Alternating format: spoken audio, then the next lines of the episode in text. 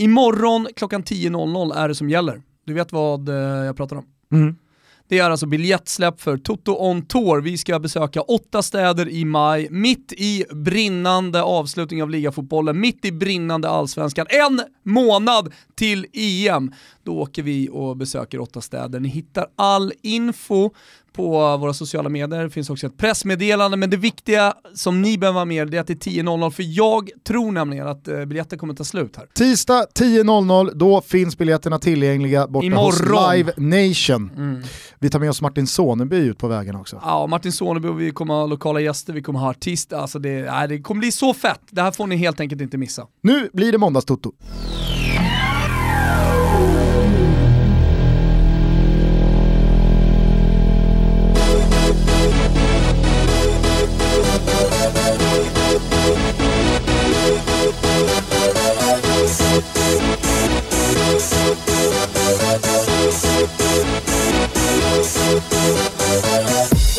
For this?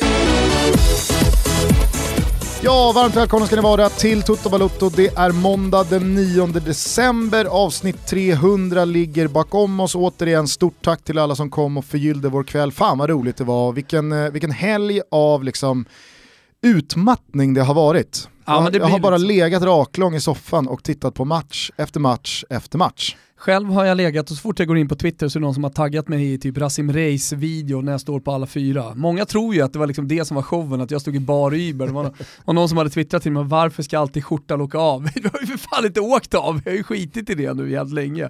Men och, jag, som jag skrev Gusten, folket ville ha av den där skjortan, då fick folket som de ville för jag är en man av folket. Det är jävligt enkelt. Ja, och personligen så kan jag ju tycka att det är bättre att du plisar de som är på Oscarsteatern och vill se oss, Ja, ja. än att du plisar de som inte lyssnar på Toto Balutto och inte vill dyka upp på Oscarsteatern. Ja. Jag, Kan tycker man ju det, tycka. jag tycker det är en rimlig liksom, Sen är eh, det ju så här, det där är ju utklippt från två och en halv timmes eh, show. Det var ju hög stämning, folk hade druckit mycket bärs, det låg liksom traver med bärs i varenda rad. 2237 öl tror jag gick på kvällen, eh, nytt rekord på Oscars. Nej men du vet så här, det var en sån kväll. Ibland är kvällar liksom, ja men man, man är hög på stämningen. Eh, och du jämförde det med Ja, men en, en fotbollsmatch liksom. Det var en bortaklack som, som sjöng. Det, var, det blev lite så senare på kvällen. Folk gillade, folk var på, på hugget liksom. mm. ja, jag tyckte du prioriterade rätt. Ja, tack så mycket, tack så mycket. Tack så Bra mycket. jobbat Thomas. Men eh, det var då, nu är nu. Det har varit en fullmatad helg. Vi blickar fram mot eh, den sjätte och eh, sista gruppspelsomgången i såväl eh, Champions League som Europa League. Mm. Marcus Rosenberg ska göra sina sista 90 minuter som fotbollsspelare. Mm. Borde väl inte kunna toppa eh, Dynamo Kiev-matchen. Eller? Nej, alltså det går inte att toppa med tanke på att det var en avslutning efter och eh, att eh, liksom han gjorde det inför sina supportrar på sin hemmaplan, men ändå. Eller kommer dikten överträffa verkligheten? Eller verkligheten överträffa dikten? Vi får se. En gång till. Ja, det är se. många som eh, har upplyst mig om att jag inte ens i, i podden kunde ha Så koll på det ord uttrycket. som kommer här. Du, eh, jag tänker ändå sådär, det är det och vi kommer till det i slutet av veckan när vi ska spela in eh, ett, ett till avsnitt. eh, Eftersom vi alltid är på tå hörni, men eh, jag tycker att vi börjar Måndagstoto med ett litet svep va. Nej men vad fan, ska vi inte börja i Italien för en gångs skull Gusten? Ja, jag tror banne med det. För när krutröken hade lagt sig efter Oscarsteatern smällde det till i Italien. Okej, det kanske inte var några fyrverkerier på Giuseppe Miazza på fredagskvällen, men tungt var mötet mellan de formstarka italienska topplagen Inter och Roma. Mållöst efter en hel del otroliga missar av båda lagen gjorde att Juventus hade chansen att återta serieledningen. Men icke sa Lazio, Roms bästa lag just nu, 3-1 till i och sjukt nog drog Inter ifrån med en pinne i toppen. Annars kan Toto rapportera om två lag i rejäl kris. Napoli fick bara kryss mot deppiga Udinese uppe i Friuli och Fiorentina lyckades förlora för fjärde gången i rad. Denna gång mot bröderna i Toro. Nu har de lila tuffa matcher som stundar och det är nog ingen vild gissning att tro att Laviola får äta panettone bland Serie A's bottenskrap. Och på tal om bottenskrap hörni, Milan va? Gamla fina Milan. Tro på fan, men visst gick de och vann sin andra raka match borta mot Mihailovic Bologna. Ni hör ju, det händer grejer och då har inte ens Zlatan anlänt i Naviljis flodbädd än. Och vad det gäller Italien så sparar vi det bästa till sist. Så länge kikar vi över en sväng till England där Lampard har fått in lite grus och skit i maskineriet. Tredje torsken på de fyra senaste borta mot Duncan Fergusons Everton. Läge att tro lite på det toffis nu när julen rullar in va. Tro gör man såklart också på Liverpool som bara ångar på. Med Citys torsk i Manchester-derbyt snackar vi numera 14 pinnars gap mellan lagen. Och om tro får vara nyckelord här så måste United såklart också då nämnas. Inte en torsk sen eh, Bompan borta den 2 november och vi kan i lugn och ro konstatera att Ole Gunnar köpt sig minst Sessen som coach. Va? Toto noterar såklart eh, Newcastles seger över glödheter Danny Ings Soton och deras högst anmärkningsvärda tionde plats. Tror jag. Helvete vad Leicester kör. Alla vet ju att de inte är titelkonkurrenter, men ändå. Wow! 14 pinnars gap pratade vi tidigare om och det är exakt vad Madison och gubbarna har ner till femteplatsen. Tjena CL 2020! Slutligen, Mourinho. Fan vad jag älskar Mourinho. I Spanien showade Real Madrid och Barcelona vidare. Nu flyr de snart iväg från övriga. Krångligast läge bakom får man ändå se att Atletico har, kryss borta mot Villarreal och nu har man bara en vinst i ligan sedan den 29 oktober. Läktaren för Jige, vanliga minuterna för Isak, vi stänger i Spanien. Slutligen kort till Tyskland där Sebbe Profeten Andersson smällde in sitt åttonde för säsongen och bidrog således till Union Berlins fjärde seger på de fem senaste. Wow! Härligt Sebbis! Två ord till från Deutschland, fuck Bremen. Samtidigt som jag smånjuter av Marseille i Ligue 1 så avslutar vi svepet så som svep alltid ska avsluta. Super Mario Balotelli! Sug hans salta era syltryggar! Syltryggar! Sug hans salta era syltryggar! Sug hans salta era syltryggar! Visst var det första? Eller har jag glömt någon? Ja, du har glömt. Eh, han gjorde ett ja, Yes. hemma på Rigamonte. Sen har det ju för- varit jiddrigt och avstängningar och skit liksom, som, som det ibland är med Mario Balotelli. Men eh, han fick frågan efter eh, den här segermatchen för Brescia, otroligt viktig nere i, i bottenskrapet. Eh, ja men blickar du mot EM nu? Liksom, alla, alla vill höra honom säga det. Men så fin han är där Ball. Han säger bara nu är det fokus på Brescia som den professionella fotbollsspelare jag är. Ja. Sen vet man att han kommer göra en jävla uttalande inom två veckor där det går till helvete ändå. Han, han, han var i alla fall för en kort stund professionell och det tyckte jag var Ja, kul. inte bara professionell utan också smart. För att det sämsta han kan göra nu är ju att börja prata om EM. Oh ja. Eftersom Italien flyger högre än vad man har gjort på hur många år som helst. Vi har Ciro Immobile som bara bombar in mål efter mål efter mål. Eh, Chiesa och det unga gardet eh, jämte honom som har liksom flankerat eh, Immobile på topp. Han gör ju det bara svårare för sig själv om han börjar prata om EM Jo, men det vet ju Mancini har ju pratat jättemycket om det också, fokus på fotbollen. Så länge han fokuserar på fotbollen så kommer jag ta in honom. Eh, Men än så länge så är inte det hänt, för han har väl inte fokuserat tillräckligt på fotbollen. Sen så är det ju så, han måste ju bli mer rörlig. Problemet med Balotelli är ju att han har ju alldeles för många dippar under 90 minuter. Han har alldeles för många, liksom så här, det känns nästan som att han tappar motivationen under matcherna. Kommer du ihåg EM 2012, hur jävla fantastisk han var? Alltså hans tidiga år när han bara sprang, sköt, var delaktig hela tiden. Sen kom det här slöa Mario Balotelli som bara liksom går på planen. Och det, det, det håller inte, för ska du vara slö och gå på planen, ja men då krävs det att du bara bombar in mål. Och det gör han ju inte heller, så måste han bidra mer. Var det veckans Balosur? Ja, Då lämnar vi Balotelli med det då. Ja, jag tycker vi tar oss snabbt tillbaka till Spanien. För jag tyckte du glömde en sak i svepet. ja det gjorde jag säkert. Eh, Barcelonas eh, insats mot eh, Mallorca. Ja, men jag sa att de sticker nu. Ja, okej, men Real hä- hänger på. Det är väl delad serieledning där. Ja, jag sa ju det. Nu Eh. sticker Real och Barca. Okej, men jag, jag, jag tycker bara att det är värt att nämna den här insatsen man gör mot eh, Mallorca i offensiv riktning eh, under, under lördagskvällen. Alltså såg du Suarez mål? Ja, ja. Briljant! ja superbriljant. Det är 10 av 10 i både speluppfattning och utförande. Det är fräscht med sådana här mål som, vi, vi brukar ofta återkomma till det här man, man sällan ser eller aldrig har sett, det är något nytt. Visst, man har sett eh, smarta spelare klacka in dem från felvända positioner, Zlatan har gjort det, Ronaldo har gjort det, Nani har väl gjort det om jag inte minns fel. Det där, är ju, det, det där hade man ju kunnat se Berbatov också göra. Men det var ett tag sedan. Fräscht att se en gammal klassisk klack med ryggen mot mål som ställer alla.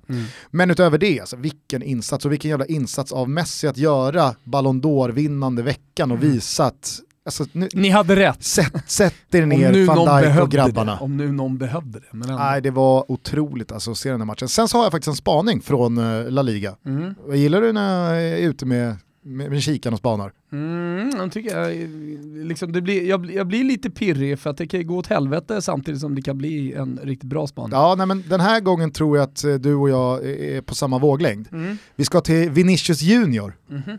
Det är en spelare som ingen kan ifrågasätta rent tekniskt och det är ju en, en, en gudabenådad fotbollsspelare på många sätt. Tveklöst. Men han har inget tillslag. Och inte, det är inte ens inget tillslag utan det är så här, det är som att han skjuter en förlöst pumpad boll Mm. i typ tofflor. Nej, jag fattar precis vad du menar. Och, Och han, menar, han, han, han sållar sig nu till skaran där vi har Raheem Sterling, mm. exakt likadan.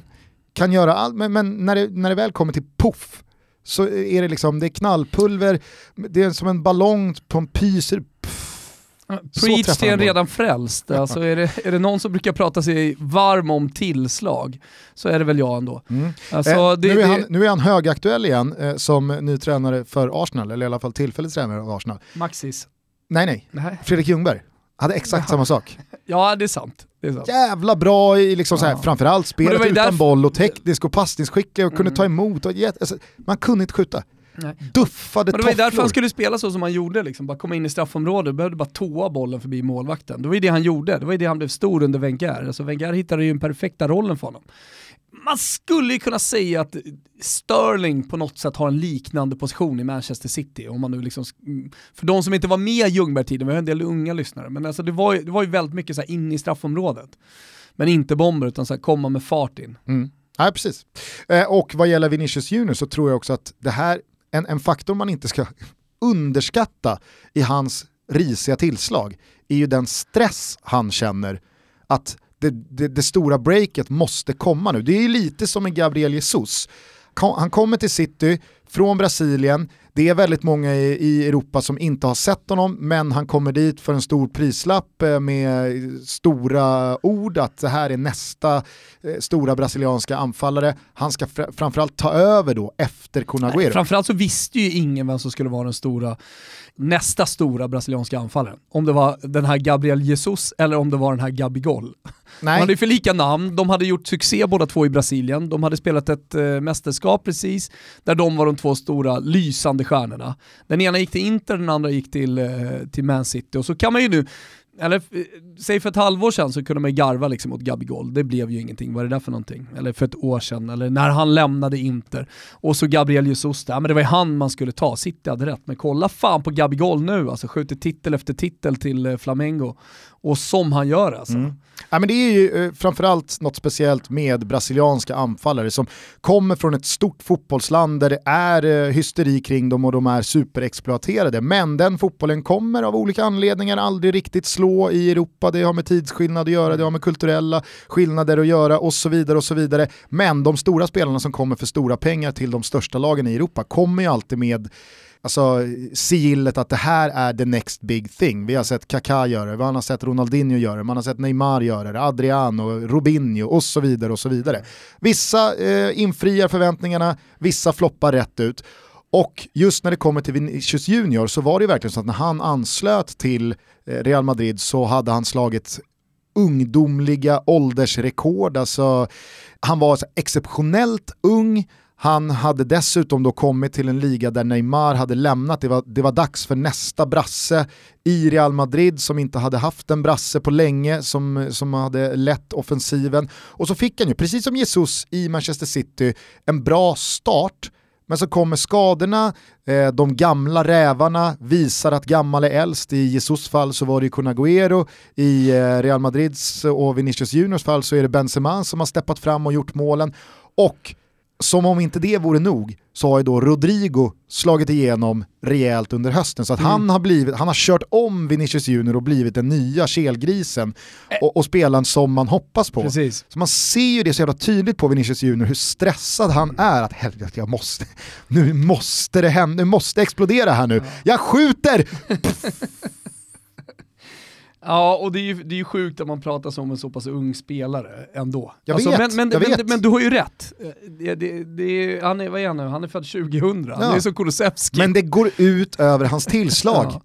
Till skillnad från Kulusevski, eller hur? Eller till skillnad från eh, Vinicius Junior så har ju Kulusevski ett riktigt jävla bra tillslag. Mm. Ja, nej, jag följer Vinicius Juniors eh, stress Ja, okej. noga Ja. och hur mycket det påverkar hans tillslag. Men jag fascineras över hur så pass tekniskt skolade spelare kan ha så dåligt löd i bössan. Jag, jag, jag blir konfunderad. Vi är denna vecka sponsrade av Unisport Thomas och det börjar bli dags för alla där ute att handla sina julklappar. Nej, men så man surfar in på unisportstore.se. Jag har ju dels barn som är väldigt aktiva, spelar fotboll, håller på med andra sporter och sen så då för mig själv, det stora barnet i familjen som blir sugen, för det blir man om man går in på unisportstore.se. Eh, och då tänkte jag kolla med dig Gusten, vill du ha, vill du ha det bästa tipset? Ett julklappstips, Mm. det vill man alltid ha. Ja, men jag tror att det är många så som vill ligga under 200 spänn i alla fall när man köper någonting. Det är inte, det är inte så att alla julklappar kan kosta hur mycket som helst va? Och då ska du få det bästa julklappstipset. Kommer här. Nike badtofflor Benassi. Jag vet att jag har berättat tidigare. 200 spänn, 199 kronor nedsatta från 239. Det är den skönaste badtofflan som någonsin har gjorts. Den är otrolig. Så när paketet öppnas kanske den som får det tänker sig, ha en badtoffla, sen sätter de på den och kommer bara mm. Ja men det är sant. Den är så härlig. Dessutom så befinner sig badtofflor lite i det här härliga gränslandet mellan hårda och mjuka klappar. ja det kan man säga, precis. Jag tänker gå så både och. Mm. Mitt andra tips är i alla fall att köpa eh, fotbollsskor. För det är riktigt bra priser. Jag har klickat hem ett par Nike Mercurial till Stella. Eh, det, nu lyssnar inte hon, det är tur det, jag blev lite rädd där. Nike Mercurial Superfly 7 Academy MG Under the Radar. Det är ett långt namn du. Ja. Men det är Nike Mercurial som det handlar om såklart. 589 spänn nedsatta från 700. Det, det, det, men det oavsett vad man gillar. Alla har ju sina preferenser vad det gäller fotbollsskor. Det, det är riktigt bra priser. På, Det har hänt grejer med modellnamnen sen Puma King. Ja, det har du tveklöst gjort. Eh, Unisport de vill flagga för sin årets julklapp. Där är det inga mobillådor va, där man pausar sin smartphone, utan eh, deras eh, årets julklapp är Uniforia, EM-bollen. Ja, men då kan man ju lägga sin eh, mobiltelefon i den där lilla lådan och så kan man ta eh, Euphoria-bollen och gå ut och lira. Precis, för mig däremot så är eh, det givna julklappstipset eh, Sveriges landslagströja som kommer användas i nästa års EM. Det finns ju bara den tröjan man vill ha på sig när det är dags för eh, EM-premiär mot Spanien va? Mm. i Bilbao. Så att eh, den rekommenderar jag varmt. Eh, Då har vi rekommenderat eh, en hård klapp, en mjuk klapp, en rund klapp och en klapp i det märkliga mellanlandet mellan hård och mjuk, nämligen badtofflorna. Ja, allt finns på unisportstore.se. Det är bara in och gotta er. Vi säger stort tack till Unisport för att ni är med och möjliggör Toto Balutto. På tal om eh, bra tillslag, ska vi, ska vi ta oss till Goodison och Big Dunk? Tycker jag. Vilken jävla liksom, Duncan Ferguson, på tal om sigill, han satte på den här insatsen mot Chelsea. Alltså, det, där, där kan vi också nämna en ny ung het brasse i Rikarlisson. Nu har han varit igång ett tag i Premier League, men att, men att han gör mål på ett inlägg med en powernick från två meter efter bara tre fyra minuter. Det, det, är det är inte Marcus Rosenberg eh, crescendo, alltså att det är det manuset som har fabricerats ihop, men det är väldigt talande att Everton inleder en sån tung match i Duncan Fergusons första match som huvudansvarig på det sättet. Ja, nej, men det tror jag. Och att, att eh, öppna på det sättet tror jag så här, påverkade hela den matchen. Då fick man publiken med sig. Duncan Ferguson kunde säkerligen hålla någon slags eh, brandtal i paus också. Och det var bara så man gick på energi. Och, och får man så jävla mycket energi som man får ett så, sånt mål och med ett tränarbyte. Så man kan tänka mig så mycket testosteron och, och eh, i, väl, så här, lite mindre taktik, mer bara, bara pusha. Då, ja, ja, men då, då, då, då, då kör man över, kör över, kör över. Men, Det gjorde man. Ja, det gjorde man. Över 90 minuter gjorde man. Ja, det kan man säga. de- var ju hyfs, de var lite nära där ett tag. Jag tänker bara att de fick lite tätkänning. Ja, och sen så fick de ju rejäl hjälp av en av de sämsta liksom, defensiva triangelinsatser jag sett någonsin. Från Kepa i målet och så Kurt Zouma och eh, Christensen i mittförsvaret. Vilken hönsgård alltså. Mm, ja, det var. Men jag, jag, jag, jag tyckte det var så jävla roligt, jag såg en tweet från Michael Cox, eh, som, eh, som skrev då att han hade hört någon eh, kommentator misstänker jag då, eh, säga då Oh it must be killing Duncan Ferguson that he can't go out there and play himself. Och då liksom analyserar Michael Cox det eh, uttalandet med He's been retired 13 years and been on the coaching staff for five. He's probably got his head around the idea now. så, så man säger, ah, jag vet inte fan om inte Duncan Ferguson nu har, har vant sig vid att stå vid linjen och att han inte ska spela matchen. Men jag tyckte det var, jag tyckte det var eh, kul formulerat. Dessutom så var det ju verkligen en Duncan Ferguson-effekt som gick att eh, prata om. Inte bara hur man, hur man såg ut i, i form av kroppsspråk och nytändning, utan det var ju även så att Everton, eh, de lyckades med 37 tacklingar mm. mot Chelsea. Det är alltså fler tacklingar på en match än vad något annat Premier League-lag har gjort den här säsongen. Och den högsta uppmätta tacklingssiffran som Everton lyckats med i Premier League det senaste decenniet. Mm. Säger ändå en del om att få liksom effekt på vilken typ av fotboll man som manager vill spela. Och det blir extra tydligt den här tiden när det har kommit in väldigt mycket interim managers och, och, inte alls fått någon effekt på sina lag. Framförallt så tycker jag att det är en effekt, eh, kanske inte lika mycket hur, vilken typ av fotboll man vill spela, men att man spelar för sin tränare. Det var ju könlösa prestationer hela tiden under Marco Silva. Kanske spelade man inte för sin tränare, i alla fall under den sista tiden, men här har alla gått in och lovat Duncan Ferguson en prestation, i alla fall att man går in och vinner närkamperna och att man ger allt. Och det tycker jag är så här, fan det är viktigare än taktik i sådana här lägen. Ja, och, och jag tycker som jag var inne på att det har blivit ganska tydligt i andra fall där förändringen har lyst med sin frånvaro. Mm. Arsenal såg ju exakt lika vilsna ut mot Norwich ännu mer vilsna ut mot där Brighton. Har, där har du ju elva spelare som inte, som inte är beredda att liksom slänga ut sitt hjärta på planen för sin tränare. Det, det är det de måste vara. Det, det, är den, det är den enda tränareffekten du kan få. Liksom att, det händer, att det händer någonting med inställningen. Det är man, inte så att man sätter en ny taktik, nu börjar jag köra 4-3-3 och sen så bara sitter alltihopa. Det är klart att man kan få den här Fast effekten. Fast fan vad de satte 4-4-2. Taktiska... Jo, jag tänkte säga det. Jo, det alltså, tillbaka till big old dunk-fotbollen. Abs, abs, ja, och jag tror att liksom den största effekten där fick eh, användningen av två stycken anfallare på planen samtidigt. Alltså, så här, det, det, var nog en, en, taktisk effekt man fick, men, men det hade aldrig hänt om man, inte hade, om man inte hade sprungit ut och dött för sin tränare på planen. Så är det. det blir spännande att följa Watfords... De dog ju eh, inte för det, men de var nog redo att göra det i alla fall. I alla fall vissa. Ja.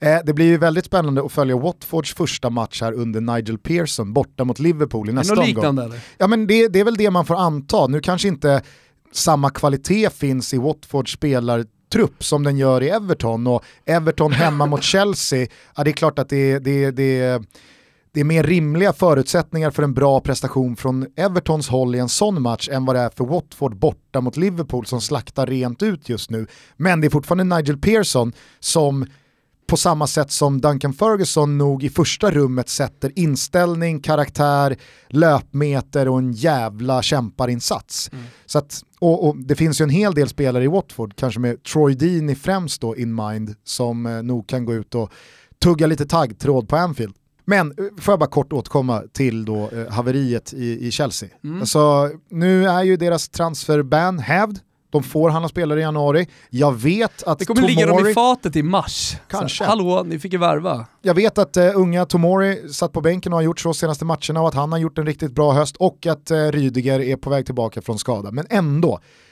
de måste, de måste, måste, måste öppna plånboken och tjacka en mittback. Ja. Eller? Ja, jag tycker också det. Alltså så här, det har sett okej okay ut som du sa med Tomori, han har gjort succé. Sen kan jag tycka att det är konstigt då att, han, att Christensen spelar och inte han. Alltså när man har en så, så pass eh, ja, dels lovande så här, som man borde tro på inför framtiden, men, men också en spelare som har presterat. Som, som, eh, ja, han har väl blivit en fantasy-favorit liksom hos många eh, och det finns en anledning till det. Så att, eh, men, men jag, tror att så här, jag tror att man behöver kolla på hela det laget, jag tror att man behöver göra en långsiktig plan. Nu när transferbanet hävs, kolla på vad, alltså, ordentligt, vad vill vi göra med det här laget? Vart ska vi någonstans? Och sen eh, vill man vara med i racet om de stora, ja men då, då gäller det att öppna plånboken och då gäller det att vara med nu. Öppna plånboken. jag, tycker, jag tycker att det, det racet har man missat lite. Alltså, I och med, ja men ta Morata-värvningen. Då var man ju liksom 3-4 på bollen och så fick man pröjsa 75-80 miljoner pund för en spelare som inte var värd det. För att man kände panik, för alla andra höll på att värva nior.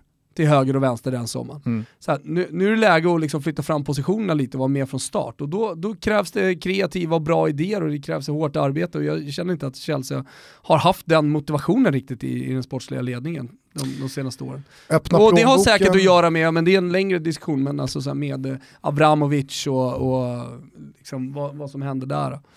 Jag testade en tredje gång. Ja. Öppna plånboken gjorde man ju också för Kepa Arrizabalaga eh, för ett och ett halvt år sedan. Eh, blev ju då världens dyraste målvakt. Eller om han fortfarande är det. Mm. Eller var det Liverpool som köpte Allison efter? Nej, Kepa är den dyraste för de köpt, Allison blev världens dyraste målvakt när Liverpool köpte honom från Roma. Sen bara någon vecka senare så köpte ju Chelsea då Kepa från Bilbao. Pröjsade, om jag inte är snett ute, någonstans runt 800 miljoner Mm. eh, för honom. Och jag tycker faktiskt att eh, Premier League-studion med Ola och Bojan och eh, Niva i lördags hade satt ihop ett jävla talande highlights-paket från Kepas alla usla insatser i inläggssituationer. Och det är bara en del av honom som målvakt, alltså hans eh, repertoar. Jag säger inte att Britterna måste ju, alltså alla Chelsea-supportrar, äldre Chelsea-supportrar måste ju gråta när de ser det där highlights-klippet. Ja. Om de nu får se det. Det har väl rullat i England också någonting liknande. För någonting som man förknippar engelska keeprar med så är det att vara stark i luftrummet. Skitsamma vad du gör på linjen, skitsamma om du har lite ölfet mage, om du inte hänger med i reaktionerna alltid, men du ska fan i mig plocka ner vartenda jävla inlägg med pondus i straffområdet. Ja, nej men, och, och jag är den första att säga att det är klart att det är inte allt eh, som utgör en bra målvakt, men nu börjar det ha gått lite för lång tid för att jag ska ändå tro att här finns det en världsklassmålvakt i Kepa Arrizabalaga. Jag, jag, jag, jag ser inte det, utan det här är kanske inte grisen i säcken, men det är 800 miljoner som är helt felspenderade Ja, Jag kan också tycka det, verkligen. det här kommer inte lyfta, det kommer inte flyga. Och med tanke då på, du kommer ihåg i fjol med Kepas eh, insats i eh, ligacupfinalen va, mot Manchester City när han vägrar bli utbytt och Sarris topplock går. Och, alltså, med, med den incidenten från eh, fjolåret eh, i, i, i bagaget så är jag, om, om Vinicius Junior är stressad över att han måste återta positionen som the coming Brazilian i Real Madrid Mm. så tror jag att Kepa känner ännu mer stress att nu är det nog bara ett par månader bort innan alla är överens om att jag håller inte. Mm. Nej, alltså, det, det, och det är det som är surt liksom. Då har man gjort av med en jävla massa pengar och kanske man blir lite rädda inför nästa stora köp också. Vi, har vi verkligen rätt här nu? Jag nämnde Morata tidigare, alltså, det, det finns ju några spelare nu, kanske en för mycket då som Chelsea har pungat ut extremt mycket pengar för, för att man ska vara liksom, sugen på att ligga i pole position när de största spelarna ska, ska köpas. Jag vet inte om eh, det har eh, blossats upp eh, något mer konkret i italiensk media, men det, det pratas ju en del om Koulibaly och sett till status i Napoli, hur hela den klubben mår och inbördeskriget mot De Laurentiis och så vidare, så kanske Koulibaly är svaret på en del frågor för Chelsea i januari. Ja, det skulle väl kunna vara. Problemet är väl konkurrensen då. Problemet är väl det jag, jag säger, att det, liksom, det gäller att vara på tå där, för det är många som vill ha honom. Alltså när, när hans agent verkligen börjar känna på, på klubbarna, då, då, är det, då, är, då är de inte ensamma. Och, om, om att kunna punga ut de pengarna och vara riktigt intresserade. Så, Så då menar- låter det ju som att det inte riktigt har funnits i Koulibalys intresse hittills att lämna, för att intresset kring Koulibaly kan ju inte ha det, tror det handlar det, om att, inte ha varit jag tror, jag tror att det senaste två åren. Nej nej nej, men sen så tror jag att det handlar om en jävla prislapp som De Laurentiis har satt, satt upp för honom. Och att man har varit lite osäker, tror jag, alltså de största klubbarna på om han verkligen är rätt man. Men eh, jag, jag är helt övertygad om att det är bara att öppna plånboken. Alltså man kollar på de mittbackarna ändå som har sålts, eh, på slö, ta Harry Maguire eh, för 80 miljoner pund. Så här. Alltså Koulibaly för mig, han, han är ett snäpp till. Man vet ju aldrig sen hur det landar, det hänger ju inte bara på honom, det hänger på hela lagbygget, det hänger på tränaren. Eh, och, och så väldigt mycket mer. Men van Dijk succé kanske man inte ska hoppas på, men, men eh, han är i alla fall den typen av mittback som går in och styr upp. Mm. Och som många andra känner sig trygga runt tror jag också. Så att, eh, har, man, har man då Tomori, har man Christensen, har man eh, så här, spelare som ändå är duktiga runt honom, men som inte riktigt har känt den tryggheten, då, då tror jag nog att han kan, styr, han, han, kan bidra med den så att hela backlinjen styr upp sig. För det, kolla, på, kolla på Liverpool. Nu har man ju alltså, lärt... Lovren är ju som ett nyförvärv. För att van Dijk har kommit in och styrt ja, upp honom. Men Matip ser ju bra ut. Ja, ja absolut. Va? Herregud. Du kan, du kan välja vem som helst egentligen och sätta bredvid eh, van Dijk. Men framförallt så finns det som så en trygghet. Och sen där, där är du keeper också, det är, det, är, det är försvarare med. Alltså tillhör ju backlinjen på något sätt. Och, och, om man pratar om trygghet så, så ger ju inte Kepa det heller riktigt. Så det, det, det, är väl, det är väl inte bara så att man köper Kappadoe och så flyger eh, Chelseas eh, försvar. Det, så är det väl inte riktigt. Men sen såg jag att... Eh, för alla er som undrar, det är då K det italienska smeknamnet på Koulibaly, K2. Ja, K2 som berget va. Eh, nej men sen såg jag att eh, Alonso var på väg till Inter också. Som någon slags pole position där. Ja, eh, så, så, ja, det är väl fullt rimligt med tanke på att han har blivit utkonkurrerad Precis. och ålder emot och så vidare. Mm. Men eh, jag tycker att det, det, står utom all eh, tvivel att Chelsea måste agera i eh, försvarsleden. För att jag är jätteimponerad av vad Lampard har gjort offensivt och där, där tycker jag att det flyger. Jag både tror och hoppas att de löser ett avancemang här i Champions League på onsdag tror jag det är. Och jag tror att de kommer vara med och bråka om eh, fjärdeplatsen hela vägen in i mål. Men då kan det inte se ut som det gör bakåt. För att man kan inte kräva tre, fyra mål framåt för att ta tre poäng. Nej. Och det är där man är nu. Alltså, jag, man håller inte nolla med det där. In, inte mot något lag. Ska vi, ska vi bara eh, snabbt avhandla Manchester-derbyt? Mm. Jävla insats av United, mm, det måste man säga. Ja, jätteinsats. För om man var tveksam till huruvida det var United som var bra mot Spurs i Midweek eller om det var Spurs som var under isen, vilket jag verkligen tyckte att de var, mm. så tycker jag att det, det är ingen diskussion Förutom om man heter Martin Åslund jag såg att han tyckte att City var bättre, City förtjänade att vinna. Jag såg inte det. Jag tyckte att United var riktigt, riktigt bra. Och de förtjänade Nej, de där inte, tre skrev poängen. han inte såhär sett i chanser, bollinnehav, spel och, och alltså han, han, motiverade det väl på Nej, något sätt? Jag tyckte jag läste att han, han tyckte att City var bättre eh, och att eh, resultatet hade förtjänat att vara annorlunda. Men eh, jag kan givetvis eh, dubbelkolla detta för att vi ska inte vara onödigt. Oj då, jag hade han på mute här på Twitter.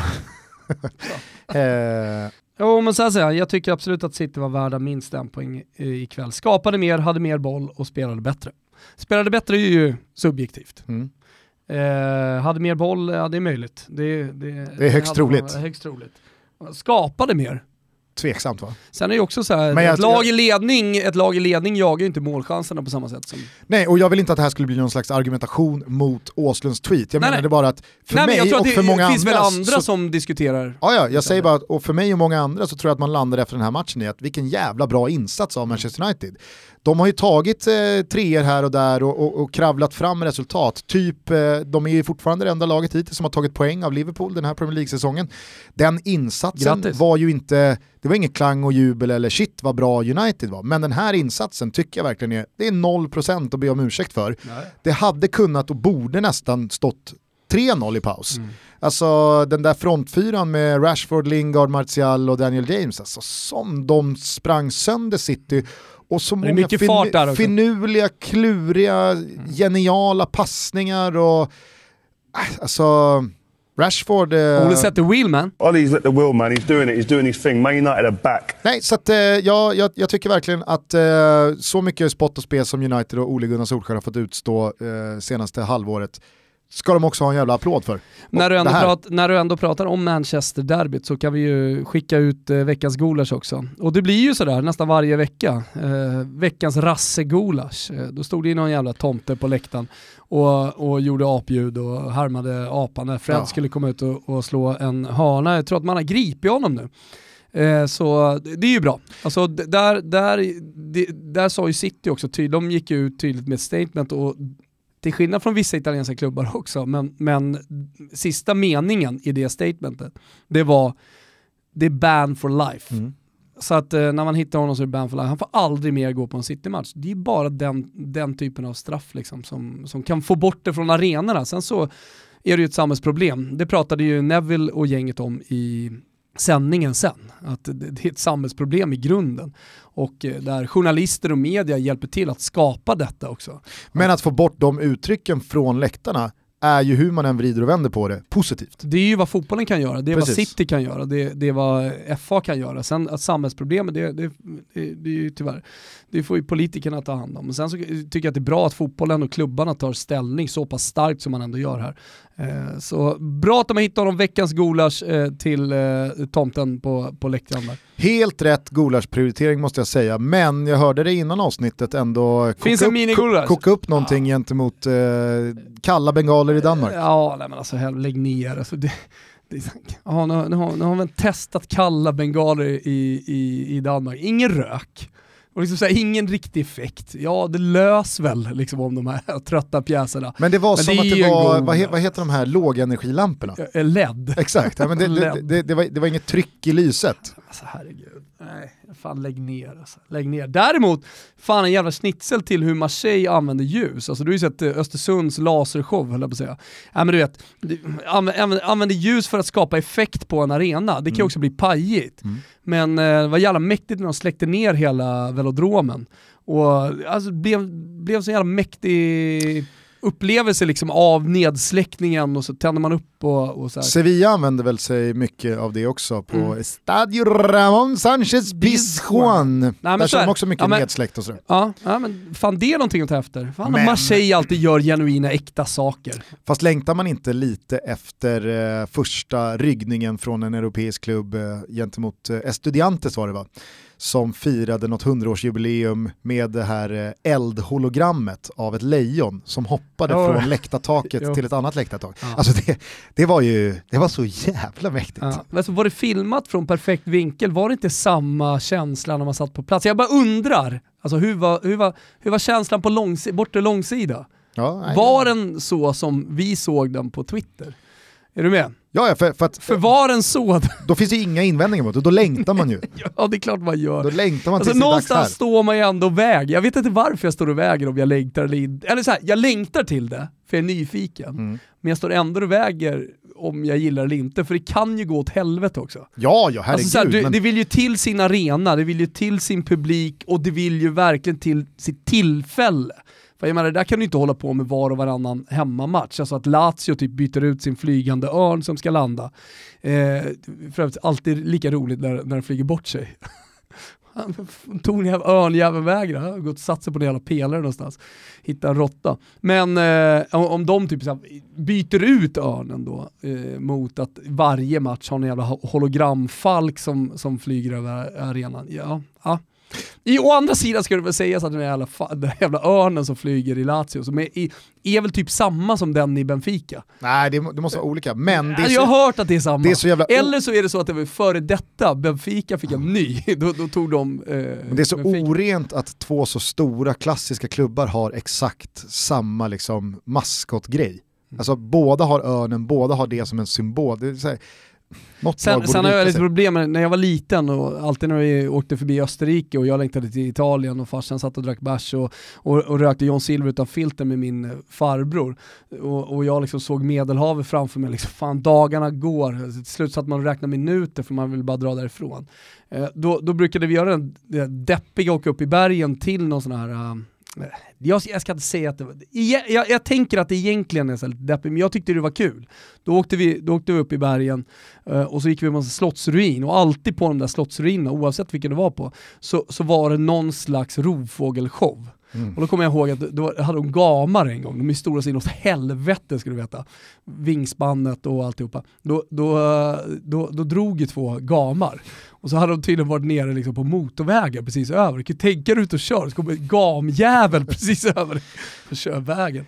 Men du, på Eh, tal om men så Lazio bara... jag, jag, jag är lite kluven vad det gäller örnshower. Jag Ja. vet inte varför vi kom dit. Nej. Eh, men eh, på, hologram. på tal om Lazio så såg jag att du hyllade det på vår Insta, men alltså när de kör sina mosaikkorrar i en sån här match, när hela Tajtas. eh, norra kurvan är fullspikad. Alltså. tajta som en jävla hamsteranus. Ah, det är sanslöst vilka korrar de har. Alltså. Ja. Det, och där, det föredrar jag ju mycket mer än de här nedsläckta ljusshowerna i, i Marseille. Men vore det inte jävligt kul om Östersund är först med hologramtifot och kör ett eldhologram på Kindberg. Nästa år. Han hoppar, han, I hopp, division 4, nej superettan, vad fan ska de? han hoppar liksom från eh, läktartak till läktartak. Daniel Kindberg blir det första eldhologrammet som testas i Europa och det flyger, det flyger satan. Folk, folk kanske önskat det. Nej, det tyckte jag hade varit jävla kul. Kindberg, jag Men okej, en liten minigulasch i alla fall till de här kalla bengalerna. Nu har vi testat det, Definitivt. det, det, det, blir inte bra. Mm, Minischnitzel till, eh, till eh, rovfågelshower på Slottsrieder i Österrike. Ja. Ja. Men du satan vad Lazio, alltså på tal om att flyga, vad de kör. Mm. Alltså Luis Alberto. Lång och gänglig och härlig. Ja, ja, men alltså, så här, om, om- Vinicius Immobile, Juniors Immobile gjorde inte ens mål. Tre mål på Juve. missar straff. Mm. Om Vinicius Juniors eh, dassiga tillslag får vara i ena spektrat då, så Luis Albertos passningsfot. Va? Vilken, eh, vil, vil, alltså, vil, vilken skiftnyckel att ha i verktygslådan Ja. för Simon Inzaghi. Mm. Och mot ett sånt lag också som är så svårpenetrerade, kunna stoppa in bollarna så som han gör, nej, det är De är lite, Lazio är lite som Leicester i, i England. Nu ska jag jämföra absolut inte deras historia med deras säsong. Alltså, de, kan inte, de kan inte ta ligatiteln, men de är med där bakom och, och, och kommer garanterat ta en Champions League-plats. Det är kul att titta på dem. Alla lag behöver inte, behöver inte vara med i titelracet bara för att man ska uppskatta eh, att se en match med dem. Lazio är definitivt ett sånt lag. Och Lazio ser man ju precis som alla andra italienska lag på Simor. Mm. Serie A glöder. Serie A glöder, jag tycker verkligen det gör det. Och nu står man ju bara och väntar på att Ibra ska anlända som jag sa i svepet också. kommer ju uppgifter hela tiden på att han närmar sig Milan och ju längre tiden går, ju mer surret blir, vad ska jag säga, det blir mer stoff i surret. Det blir trovärdigare källor som rapporterar mer deta- detaljerat kring en potentiell affär. Desto mer känner jag att det inte finns något annat lag än just Milan. Jag har ju liksom sagt det hela tiden, men det är klart, det är, det är, det är en oddshistoria det här också, sannolikhet. Så, men men eh, det, det, det ska nog bli Milan.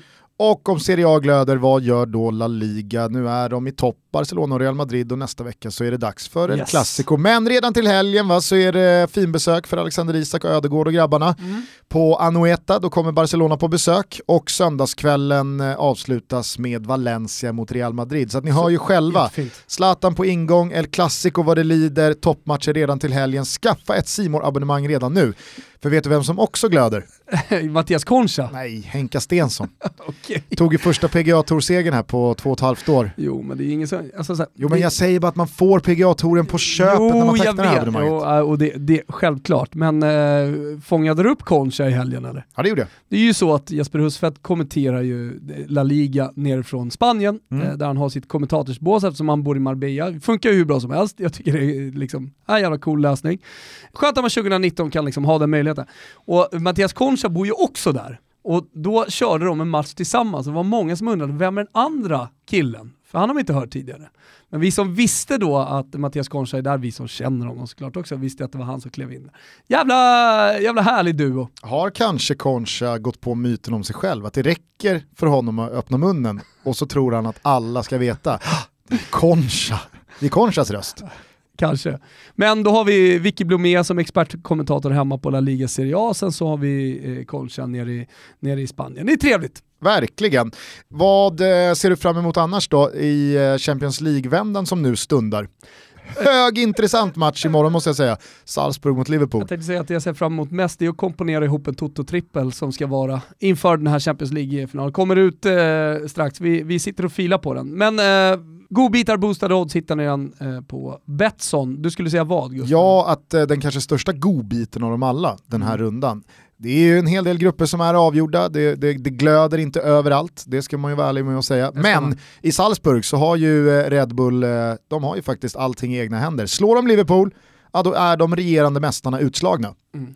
Vem fan hade kunnat ana att Liverpool skulle sätta sig i den situationen? I synnerhet också efter en sån här höst när man har tagit alla poäng utom två i ligaspelet. Så och det, det finns in- Haalands eventuella då, show, att han sparkar ut eh, Liverpool, skulle ju betyda alltså, den definitiva spiken i kistan på ligan.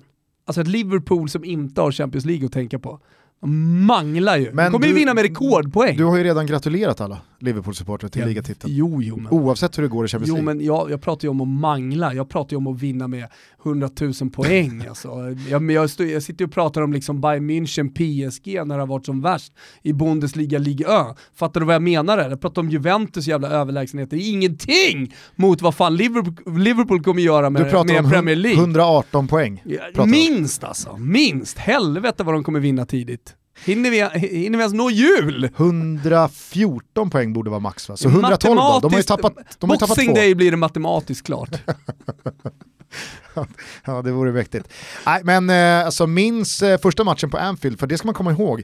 Alltså Liverpool är i den här situationen trots att man slog eh, Salzburg på hemmaplan. Man har ju tappat fem poäng mot Napoli och det är ju där det har, det, är där det har kärvat. Och jag ser, Riktigt buggigt inför jag ser absolut inte som omöjligt att Salzburg både gör ett och två mål, för det, är det någonting de har visat under den här gruppspelshösten så är det ju att det är full fart framåt och de bara tutar och Ja. kör. De gör tre på Anfield, Haaland har gjort mål i alla matcher hittills, Han har gjort åtta typ. Och jag tror att det är en stor detalj att tredjeplatsen är det sämsta Salzburg kan landa. Alltså de vet att hu- hur det än går så ska vi fortsätta spela Europacup-fotboll ja. i vår, Mm. så då kan vi lika gärna trycka gasen i botten från start. Mm. Samtidigt som Liverpool, äh, fan jävla supermatch det här Ja. kan bli. Ja, nej, verkligen. Jag tror att det, det blir ruskigt underhållande och man ska vara väldigt försiktig med att eh, ropa ut målgaranti här och där. Men den här matchen slutar inte 0-0. Ja, den lär vi i Toto-trippen. Annars har vi då Inter mot eh, Barcelona. Inter har också eh, avancemanget i sin hand. Barca redan klara gruppsegrare.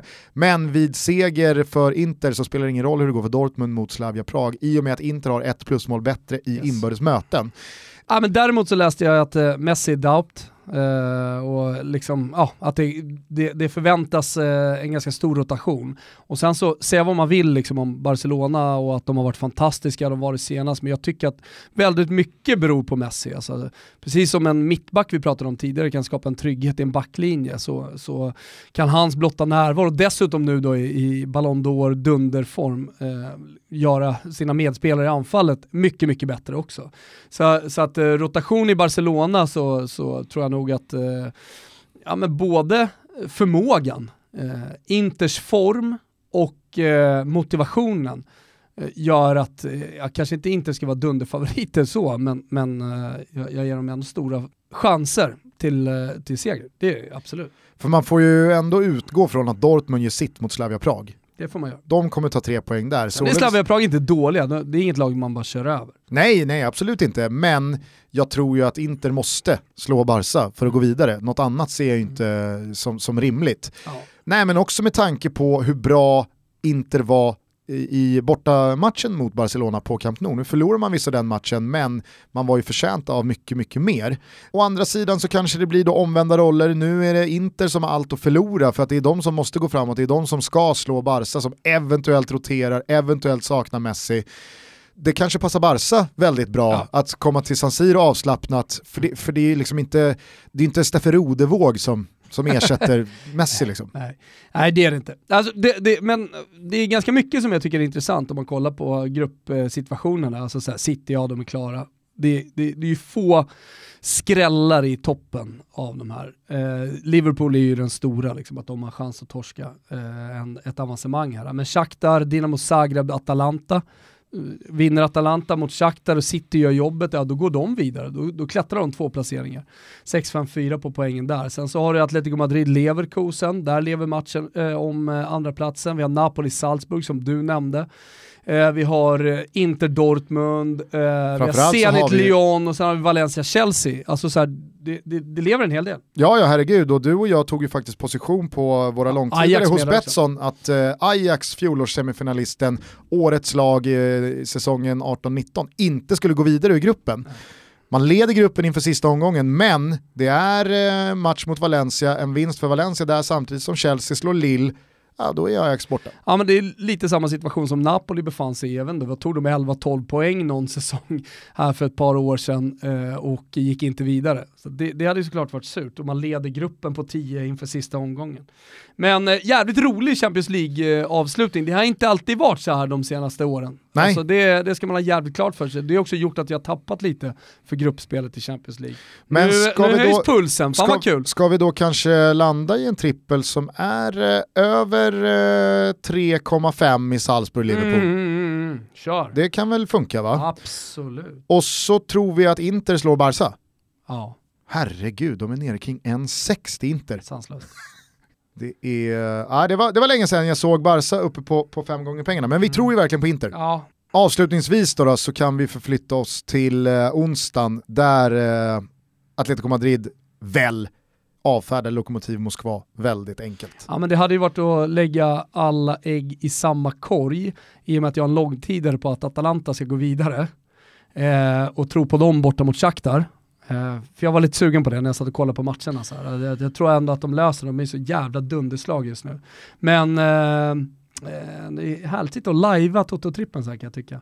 Men när du säger det så, ja, jo det är väl så att Atletico bara tar och går vidare, går lite svagt i ligan. Så kan man jobba Atalanta, eh, den Ruben, Så alena. jag Felix, eh, det kanske är läge för honom nu efter skadan och verkligen liksom, definitivt visa att han är tillbaka. Så målkalas mellan Salzburg och Liverpool, rak seger för Inter och tvåmålsseger för Atletico Madrid. Det är Toto-trippen, ni hittar den under godbitar och boostade odds och ni ryggar som vanligt med 148 kronor. Nu Tompa, nu tycker jag att vi tar en liten måndags-Pepsi och så går vi in i den här veckan med bra energi, vind i seglerna. Vi håller på och bokar det årssummerande avsnittet med Erik Niva. Eh, vi har även lite andra gäster på ingång för att eh, jul och nyårsledigheten ska bli så härlig som möjligt för våra lyssnare. Jajamensan, jag tror nog att Bojan Djordjic ska få titta förbi. kan bli eh, högenergiskt. jag tror att det kan bli höger. Han är allt annat än en kall bengal. Vet du vad man vill ha? Man vill ha Bojan Djordjic på cirkus i maj. Mm, Eller hur? Något. Det vore något. Ja, så kanske, kanske alla andra, alla som tycker att jag tar av mig bar Uber och står och vrålar, kan tänka er en Bojan Djordjic hög på stämningen på cirkus. Eh, Ja, med mig vid sin sida. Du lite mer i periferin Gusten. Mm. Det kan nog bli någonting. Det kan bli Vi någonting. har lite att surra med med Bojan. Imorgon klockan 10 släpper vi biljetterna. Glöm för fan inte det nu. Ställ klockan. För det kommer fan med gå åt, det tror jag. Årets julklapp är det ju. Och så önskar vi eh, våra vinnare från tävlingen vi körde tillsammans med Pepsi, Toto Pepsi, en trevlig kväll på San Siro imorgon då. Ja. När de ska få se Inter eventuellt köra över Barcelona, ta tre poäng och lösa ett Champions League-avancemang. Fint är det. Vilken match de fick. Ja, otroligt faktiskt. Underbart, skicka gärna in en bild eh, till oss via Twitter så kan vi dunka ut den så kan alla få se mycket roligt man kan vinna tillsammans med oss och Pepsi. Hörrni, avslutningsvis, fan stort tack för att ni lyssnar, att ni är med oss hela tiden och alla som var på Oscars, all kärlek ni gör oss, det ger oss så mycket energi att bara fortsätta mata och göra härliga måndagstotto och ta in härliga gäster och fortsätta med det här lilla projektet som du och jag har Gusten. Ciao tutti! Ciao tutti!